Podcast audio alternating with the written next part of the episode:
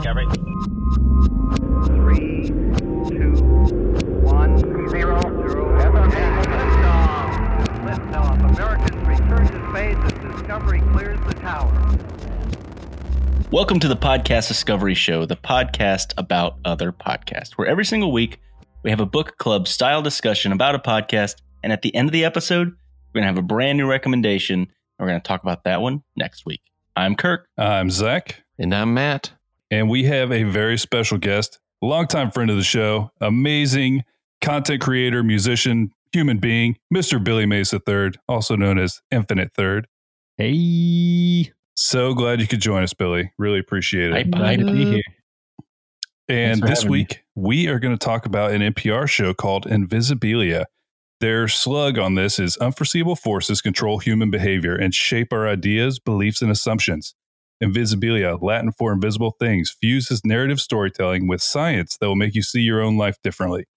And in a, in a funny twist, this episode is all about non narrative. It's all about slow TV. It's an episode called The Great Narrative Escape. And I really liked the show. I had seen slow TV happen, and so I wanted to just kind of see how this bounced off everybody, like how everybody felt about it. And then I was just talking to Billy. I was like, uh, "Billy, I want to know how you feel about this too." So it just it just worked out perfectly. So what did you guys think of this show? I guess I'll go first. I I had seen that this was a thing, like slow TV. I didn't know that it had like an origin of like Norwegian uh slow TV, which like they said, there's been other similar things, but the fact that they did something on actual TV for like how long was it? It was One of them was five days, right? The yeah, boat. it was days uninterrupted, no commercials, Mhm. and that they got the most viewing over any sporting event and, and anything else. And it just became like this national phenomenon in Norway. And I thought that part was really cool. So cool. Yeah, no, I, I loved it.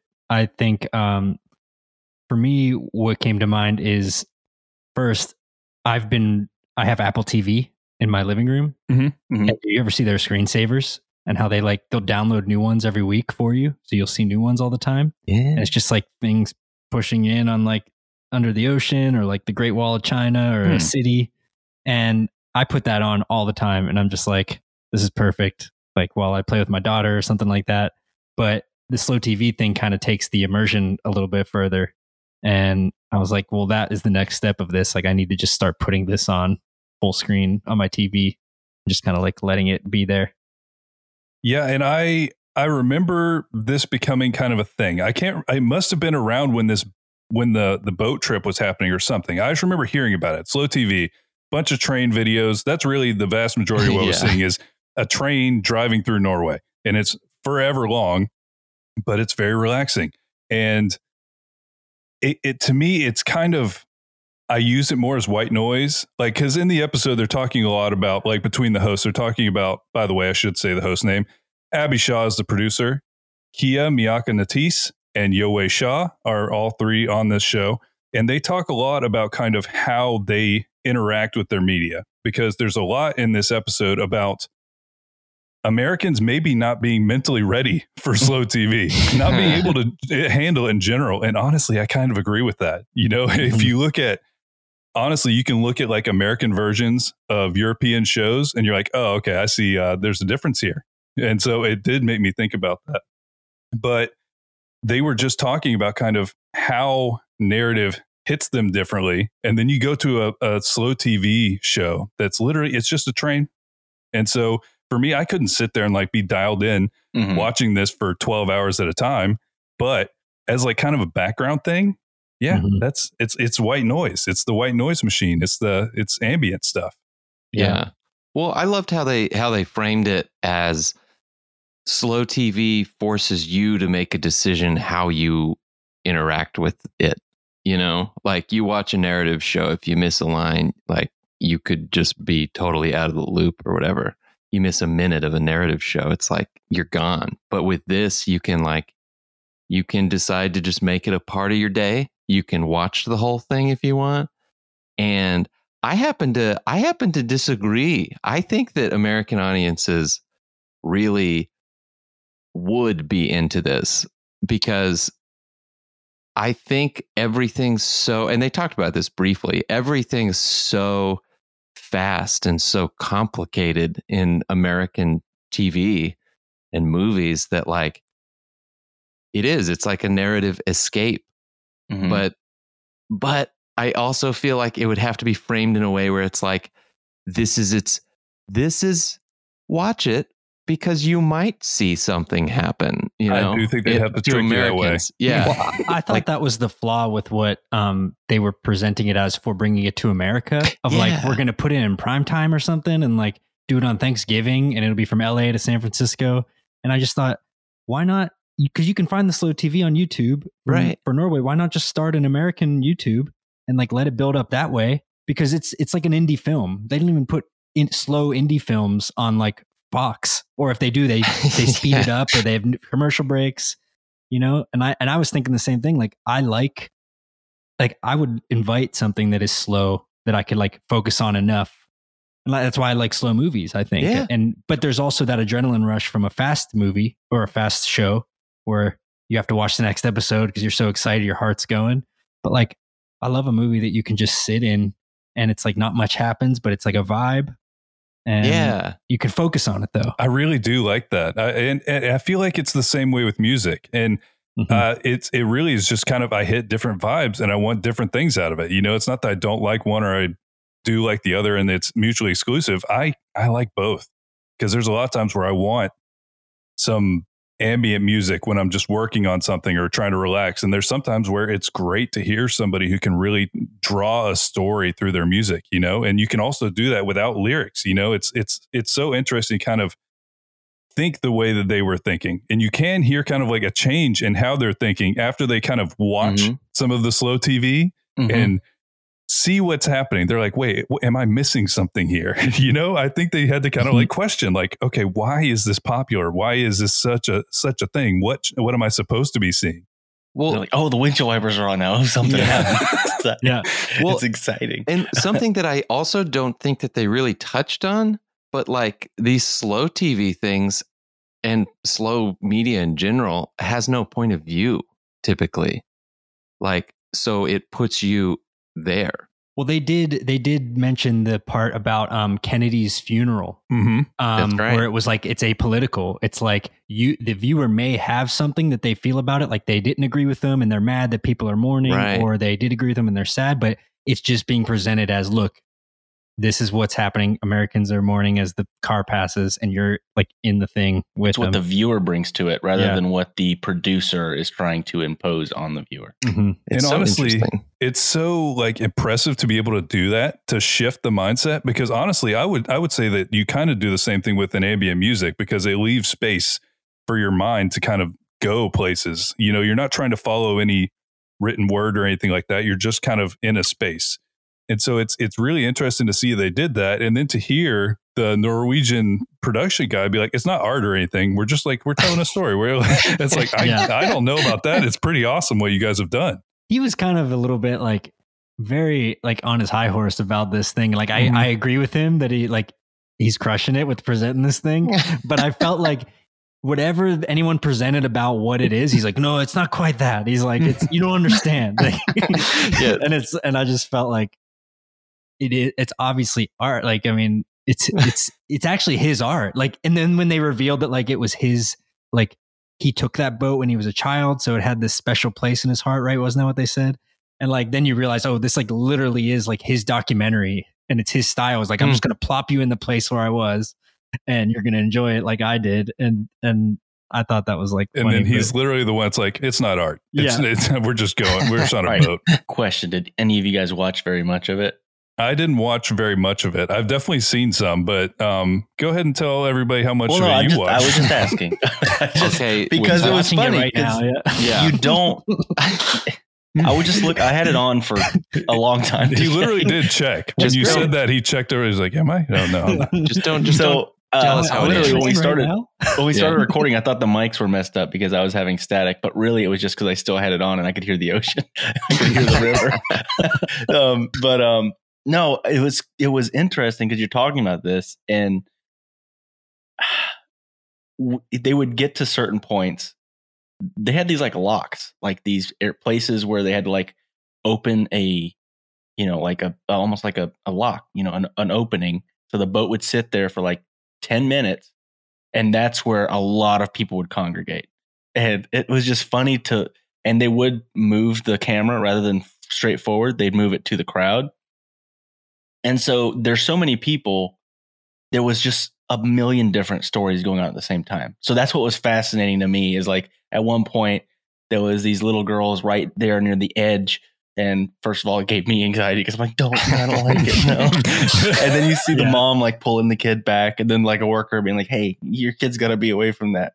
And um, the the first lock that they hit or get to, the boat like was going too fast and kind of hits it, and everybody on the boat's like, "Whoa!" Oh my god, it was great.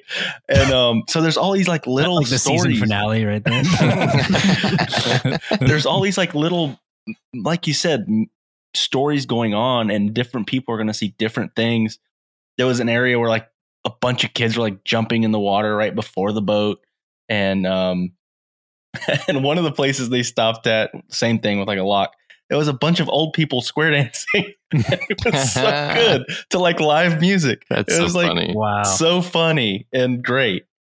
Well, This and I- episode, go ahead, Matt. Oh, I was just because I, I feel like what's so interesting is that in a thing where you're literally just not, where you're presenting everything, where that can be more quote unquote boring or slow than honing in on one tiny thing. I just think that's so fascinating because this is like, Everyone's going to see something different.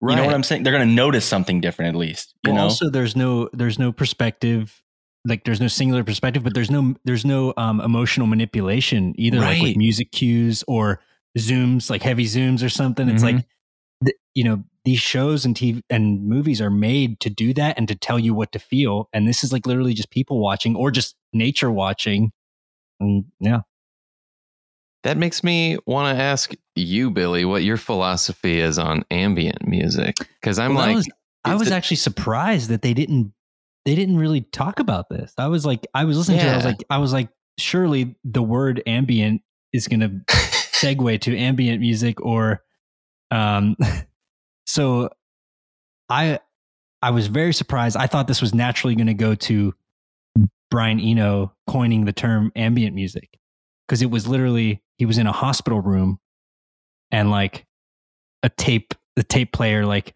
was left on or something. I don't, know the actual details of the story. Like I haven't told it in a while or heard it in a while, but basically is it, it just gave him this idea of composing music that's can be equally listened to intently or left on in the background and just like not paid attention to. And that kind of Huh. like it kind of spurred the whole thing. yeah, that's like exactly what. Yeah, and I was just like, talks It about. seems like a hole in their um in their narrative of uh you know like going it that could just be one of those like they maybe did talk about it and they had to get cut Yeah. because they have a time. no, it- Yeah, it makes- especially it makes so NPR. You know, sense, this is yeah. this is a you know time thing. And of course, I'm the musician over there. Like, why aren't you talking about music? what is this? No, I, I made the exact same connection too, though, because that's that's what this seems like to me. Is if you watch, okay, if you watch The Wire, that's like the dense. There's the whole thing is the narrative, and then if you watch a train for seven hours, that is the polar end of this. So it's like it, it The seems Polar the same to me. Yes, the Polar Express. That's the best Oh movie. God. That's the one that we need to be referencing. You guys saw that, right? It's horrifying. Animated Tom Hanks was the It's- best. it's not good. this is the worst. yeah, but I liked the book, It's- uh, but it was like a eight page book that they then they tried to make into a whole movie, and it's like no. I mean, there's a problem right there. you got to really expand on some things. But it's it's interesting because I did I I sort of reflected on ambient music and you're probably the eh, you know you're the ambient music guy in my life. Same. so uh but I was like cuz I was kind of thinking about it and you yourself take on a sort of audience perspective by like letting whatever happens happen and then following that but of course you're you are kind of like you know zooming in on a thing but then you're like letting it go which is really Well- cool.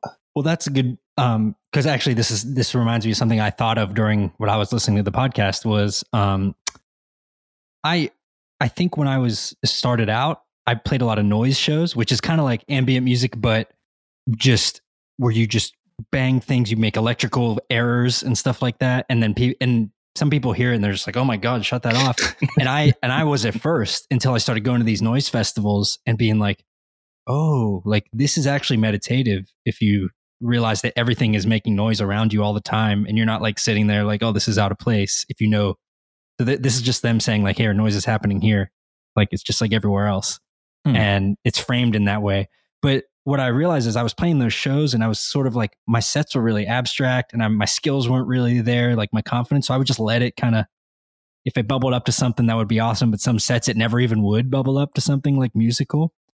But and I, and this is what this is I thought was like interesting that it came up for me was that as they started talking about narrativity, like the narrativity scale, I think is what they called it, Mhm. where it's like Disney's way over here, and then there's like certain plays and stuff. That Yeah, waiting like, for Godot. yeah, waiting for Godot, stuff like that. Um, are like nothing really happens, but it's like a meditation, a rumination on things. I realized that as I get more skilled and as I I'm doing my streams now and like as I'm trying to like really just push what I'm doing, my music is becoming more narrative. And I'm letting go of a lot of the um like abstractions, which I used to like really linger in the the drone moments, but now I feel like something has happened and maybe that's like this maybe that's what they're talking about when they say that um we have this tendency to want to like push Hmm. the boundaries of narrative and like go to the next thing because like that's what i'm finding i'm into now is like tying this riff to this riff and then switching it up and then it's almost like plot twists and stuff and i'm Huh. writing a tv show every time i play because it's all improvised so to me that that was like that was my version of what they're talking about it's like i used to make slow tv and i sort of like grew out of it or I, maybe i didn't grow out of it maybe i like i sold out in a way because i know that it's easier to connect with plots and you know relatability and like directing people's gaze you know You Hmm. should you should uh, reframe it as you've just become better at finding those individual moments within that bigger frame. That's that's how I think of it. Is it's like Yeah. you can find those two girls that uh, Kirk was talking about leaning over Mhm. the edge Mhm. quicker because you've done so much of the slow stuff. Yeah. I guess uh, maybe it's maybe it's in the way I present it could be, you know, if it's still abstract enough to certain people because there's Mhm. no words and stuff, they can pick out whatever they want or they can hear it however they want. But I'm still just presenting it as the wider frame. Anyway, Yeah. we don't have to do therapy on my. That's awesome. Yeah, but they even talked about slow audio as well, and I didn't know that some of those things existed. Like that, the one where the guy just walks. Yeah, I, I they even played it a little bit. because they brought up ASMR, Yeah, and that was when the Norwegian guy was like, "Yeah, those are fine, but they're not like slow TV." the man's serious about his slow TV. Uh, You're not eating cheeseburgers in front of a microphone. Come on. the uh, the next episode of Invisibilia is the producer Abby Shaw making her slow podcast. That's the, the- Is it? literally the next episode. Oh, I thought about okay. doing that, but it makes it a much longer thing if we if we did both of them. But yeah, if you want to check that out, the next episode she tries, and I think she was talking to Yoe, and she's like, "You uh, make I'm going to try and make a show that's going to make you listen all the way to the end, even though it's slow." You know, and that's I guess that was the goal, and that's what she went for. So you'll have to listen to the one after this to check it out. I, I, and I I don't want to get political in any way whatsoever, but Whoa. I'm out. no, uh, Abby brought up, you know, when she was talking to the guy that was trying to make the American version, um, the the problematic things that might go on with, you know, just a trip across the U.S. But the the whole thing is like I understand what she was saying, but Mhm. at the same time, I was like that takes away from the ethos of what slow TV is. You know that there is Mhm. going to be negative, you know, con- just like the guy that talked about, you know, waving flags. There was nationalism that made him think about negative things, and there's probably some people that thought about positive things with that. Mm. Yeah. So I feel like there has to be room for people to bring their perceptions to, and that's the whole thing. Is you're not supposed to be pigeonholing someone into or trying to direct them in any way. Let them bring their hmm No, and I mean we're we're gonna see probably an ugly reflection in the mirror. You know, that's that's maybe the issue. Is that Mm. yeah, I do think there's a chance that happens. If you were to do like a full USA tour, there's gonna be some ugly moments. You know, it's gonna happen. It's the age of the internet, and there's there's a lot of stuff happening in this country right now that would generate popularity around going and like photo bombing a thing like this. You know, yeah, but it's like Moon in the Google car or something. yeah, you know, but I like mean worse. at the same time, but racist. would we be yeah would we would yeah, we it benefit would get from there this very though? quickly, probably. you know, do you think that we'd benefit from this? From like holding up the mirror and looking, you know, like because I do think there's a chance that like it would help everybody see things differently, you know, and that's eh, I don't know. It's it's hard to tell. I get why she was concerned about it. the the guy she was talking to was also a lot of these guys are very passionate. I think he was a he was a professor and he was like, no, it's not political. That's not what it is. It's just Oh. a thing. It's just a thing. Leave it alone. But it's I don't know. I do feel like it would be a wild ride to watch this happen in America. Did you did you notice that one um, quick interview with the psychologist that was like, you know, we kind of just accept that um, faster edits and stories are like making our brains like messing up our brains, and it's just like a widely. And he's like, I see no evidence of that. I Yeah. was- I don't know. I just felt like, do you work for NBC or something like that? Like, where, where is it? Where like I feel like it's something we can intuitively know. That, like staring at a phone all day isn't good for your brain, like your your thought processes. Like, I don't know. I, I thought that part was like they were trying to say that, like they were they were building up that American audiences wouldn't accept it in a lot of ways. But I think what the one guy who was trying to bring it to America was running into wasn't about the audience. It Not was about audience. it was about how do we fit advertising into it? And we're going to put a Coca Cola truck next Yeah. to the car. I hated that idea. I hated that idea Yeah, so it's like who's going to pay like, for well, this garbage? do it. Like I felt like okay, do that, but you know, but Don't let me know about it. yeah, I, I guess that's it. Yeah. is what I. And the you're thing gonna is- drive down the road and you're going to see all kinds of. I was gonna say it's Amazon's gonna happen everywhere. naturally. Yeah, yeah. There's No, what billboards do- everywhere. No, what you do is you blur out anybody That that, doesn't sick. pay you. Yeah, yeah. So That then you like reverse sick. advertise it. So it's like, well, nobody's gonna know whose truck that is unless you pay me. If you go here in Florida, all you're gonna see is a bunch of lawyers. Morgan and Morgan and Morgan and Morgan. Yeah. Uh, uh, uh, yeah, don't get me started on that. Uh, those billboards uh, for all these lawyers is so Yeah. frustrating. We we kind of have this though with like you can you can get like a giraffe cam at the zoo, right? Like Yeah. so this is kind of that. They're just we need more like of these like travel. I guess is like No, and that is the thing because really it came down to they were pointing to a specific, like, yeah, we don't have any of this on PBS. There's no slow TV Mhm. on PBS that's Mhm. nationally broadcast to everybody. But with the internet, this is around. You Yeah. can you can find this where Mhm. they they want to do this specifically. No point, just kind of like experiential. And so I watched a little bit of I another one, which was drone footage of like just really beautiful mountainous areas, Mm. and some of it was in Canada, some of it was in Maine, some of it was in in the Netherlands, I believe. So Hmm. it was, you know, there are things that are. Has anybody done this on an airplane? Like on a commercial flight, put a camera pointing down so you can just like see the clouds and like the probably stuff. have oh like that. Okay, not like in the cabin no, because you'd have mean, to like get the. That's what I was wondering too, though. Like, are they getting releases for these people's faces and stuff? Like, especially kids. I Like in feel- Norway, you probably don't have yeah, to. I bet but- Norway's different, but here it would be Because if you're shooting like in a mall or something, you you have to at least put up a sign that says like by entering this area, which is all they'd have to do, I guess. But a lot of people in a private flight probably wouldn't want that, or Mm, yeah. you know, but it it'd is be a kind of weird because the especially the in the Norway one, the reason the people were there is because they wanted to be on TV. yeah. oh, know- was it like not all of them though, right? Like it, a lot of them were just because these are most of these places weren't just like these were all just people just standing around. They were there because they knew the boat was coming, oh, okay. And like they wanted to. You know, people had signs like, Well, "Hey, heard them say grandma," that you know, part, yeah, Mhm. yeah. I mean, Yeah. I'm sure there was some guy who was just trying to get to work and hated everything that was happening around him. But for the most part, I do think a lot of people just showed up to be on TV yeah.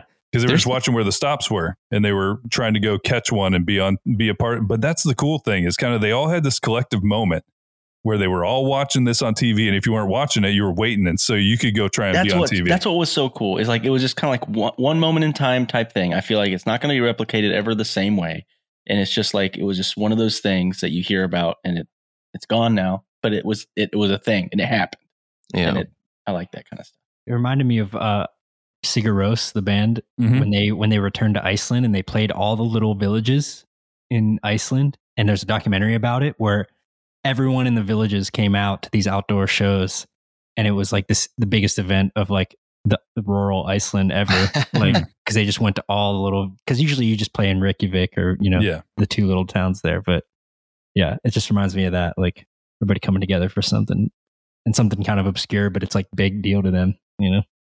But yeah, it Mm. definitely the a lot of the things they talked about was uh really interesting and it's I don't know. I don't know how it would work here on like a major broadcast side, but Yeah. I mean, I who knows? I also really liked the way it they ended the podcast on uh, public broadcasting needs to be more funded Yes. because I and Yeah, NPR is sick. It's great. Dude, it I is. just well, I mean, and PBS in particular, but like because man, to think that this thing that no one really asked for in, in no, Norway. most of the time they're like, get it. Oh, you mean in Norway? Yeah, it's like something that nobody really asks for becomes an absolute sensation. And Mm-hmm. it's like we don't have that anymore here because everything goes through 10 bajillion meetings and pre-production and all this stuff and it's like if it's not going to make money they don't yeah, I was going to say do it. Mhm. with the prerequisite of it has to make money. Yeah. And I I- mean, uh, obviously that was not a factor. Well, I even found funny that that the guy that was bringing it to America said that he licensed Slow TV from. I like, know. He paid, the, and I was like, one, do you think he has to, or do you think he's like covering himself legally, or what? Yeah. And one, do you think the Norwegian guy like had any ownership rights to the concept of putting a camera? on I would be the very curious because How- yeah, I was thinking about that you- too. Like, how slow does it have to be for me to get copyright strike from Norway? You Yeah. know, like how, how how boring does this video have to be for us to just start in, in- impeding on their IP? You know, I don't know. That's Yeah. a weird I just- I concept thought to me. They glossed over it. I was just like, wait, what? Can you patent the idea of putting a camera I'm- on? a I'm I didn't Curious. think about it until you mentioned it. I'm curious if you wanted to call it like Slow TV America. Probably. Yeah, so then he like what it was. licensed the ability to call it that would be my guess because yeah, there's no way that they have like a patent on putting a camera on a train. That seems too like Yeah, too loose. you too can't do loose of a thing. Well, before we stop, they asked a question at the beginning of this episode that I thought was a cool one and one that I couldn't really think of an immediate answer, but we can submit this to the show. Um, they asked, What is a friend or what is friendship? And so I was like thinking about that. And it's this, once again, is kind of a hard thing to nail down because I feel like there's like different groups of friends. You know, there's people that you like being around, but it's not like somebody you're going to tell your innermost secrets to or somebody that you're going to rely on in like a supportive type of way. And then there's like really close friends that are like with you and dealing with emotional things like that. Do you guys have any thoughts on what a, what a friend is? Ooh. It's when they That's- confirm. It's when they they confirm on Facebook, and then Oh yeah. yeah. When, when you, when you Well, we follow each other on reciprocate. Yeah. Mhm. Yeah, they give you a poke, then they're a really good friend. um, no, that's it's a it's a complicated question because, like you said, there's different levels of friendship. You know, there's like you said, there's people that you trust implicitly to tell anything to. There's also people that are you would still consider friends that you don't really tell your deepest, darkest secrets to because either you don't trust them because they're the one you know you've got you know the friend the friend that you tell it something to and it's gonna be told to everybody Yeah. whether they you know and um you know i don't know i don't know yeah. I've always i think my maybe i could boil it down to a friend and i think this is a generalization for any friend is someone you feel like you're comfortable enough to be yourself around all the time like your authentic self that works. I like that. yeah.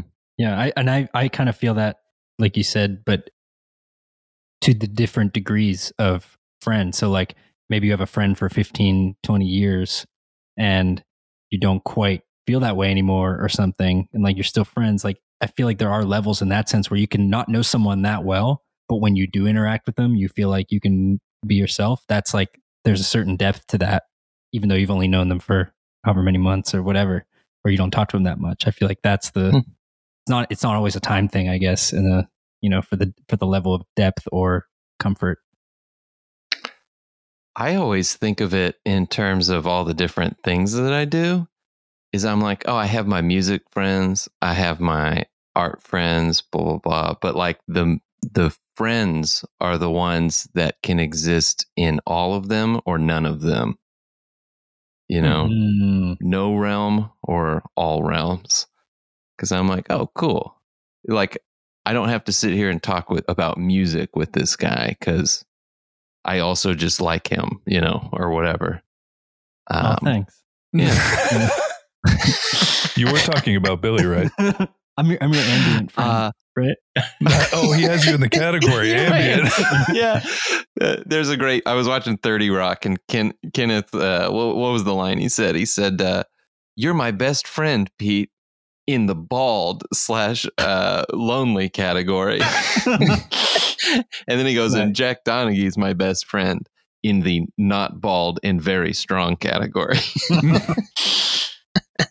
That's it. But yeah, Oh, no. I, I think that I agree with you guys. There's a lot of like nuance to it, but I feel like a friend is somebody that you want to give up, like because I feel like everybody has a finite amount of time, and who you spend that time with is, uh, I feel like a pretty important decision. There's some things that are out of your control, work and things like that, and a friend is somebody that you will take your time and spend it with someone. And there's definitely levels of that, and there's definitely like complexities there.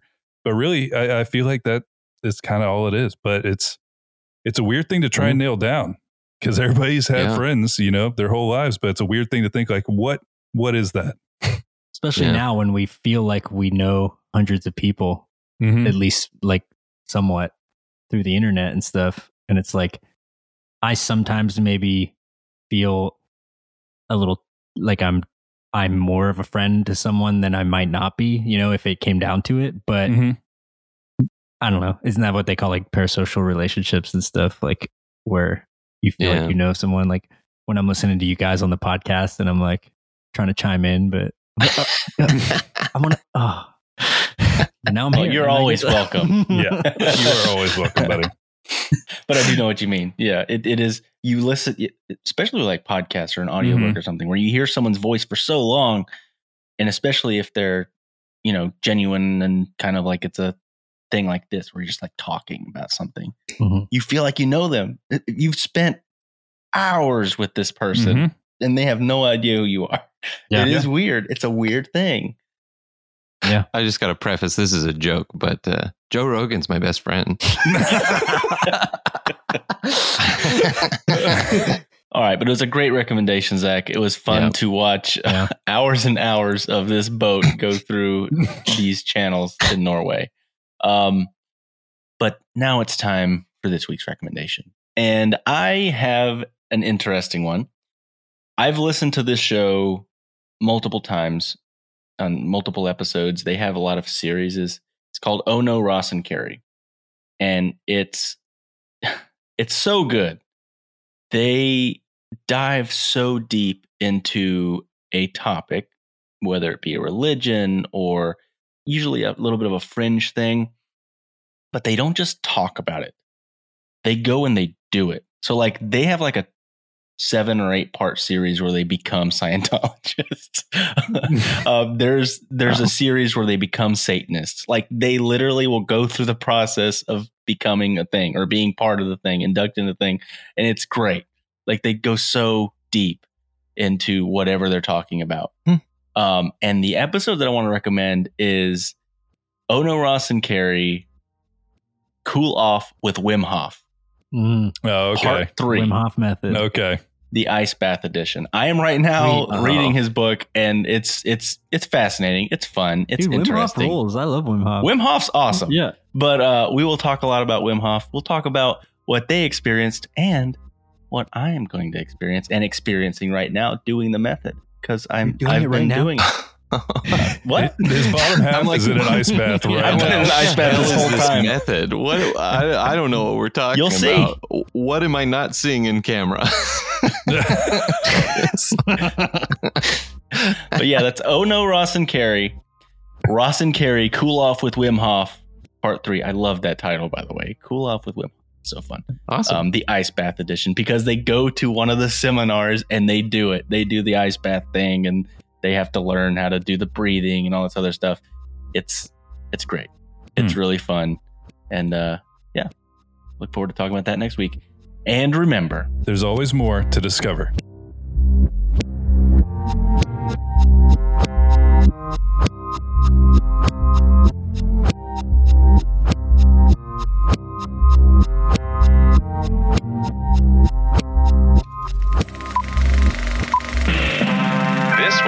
podcast from the Podfix Network. You can check out more shows like it at podfixnetwork.com.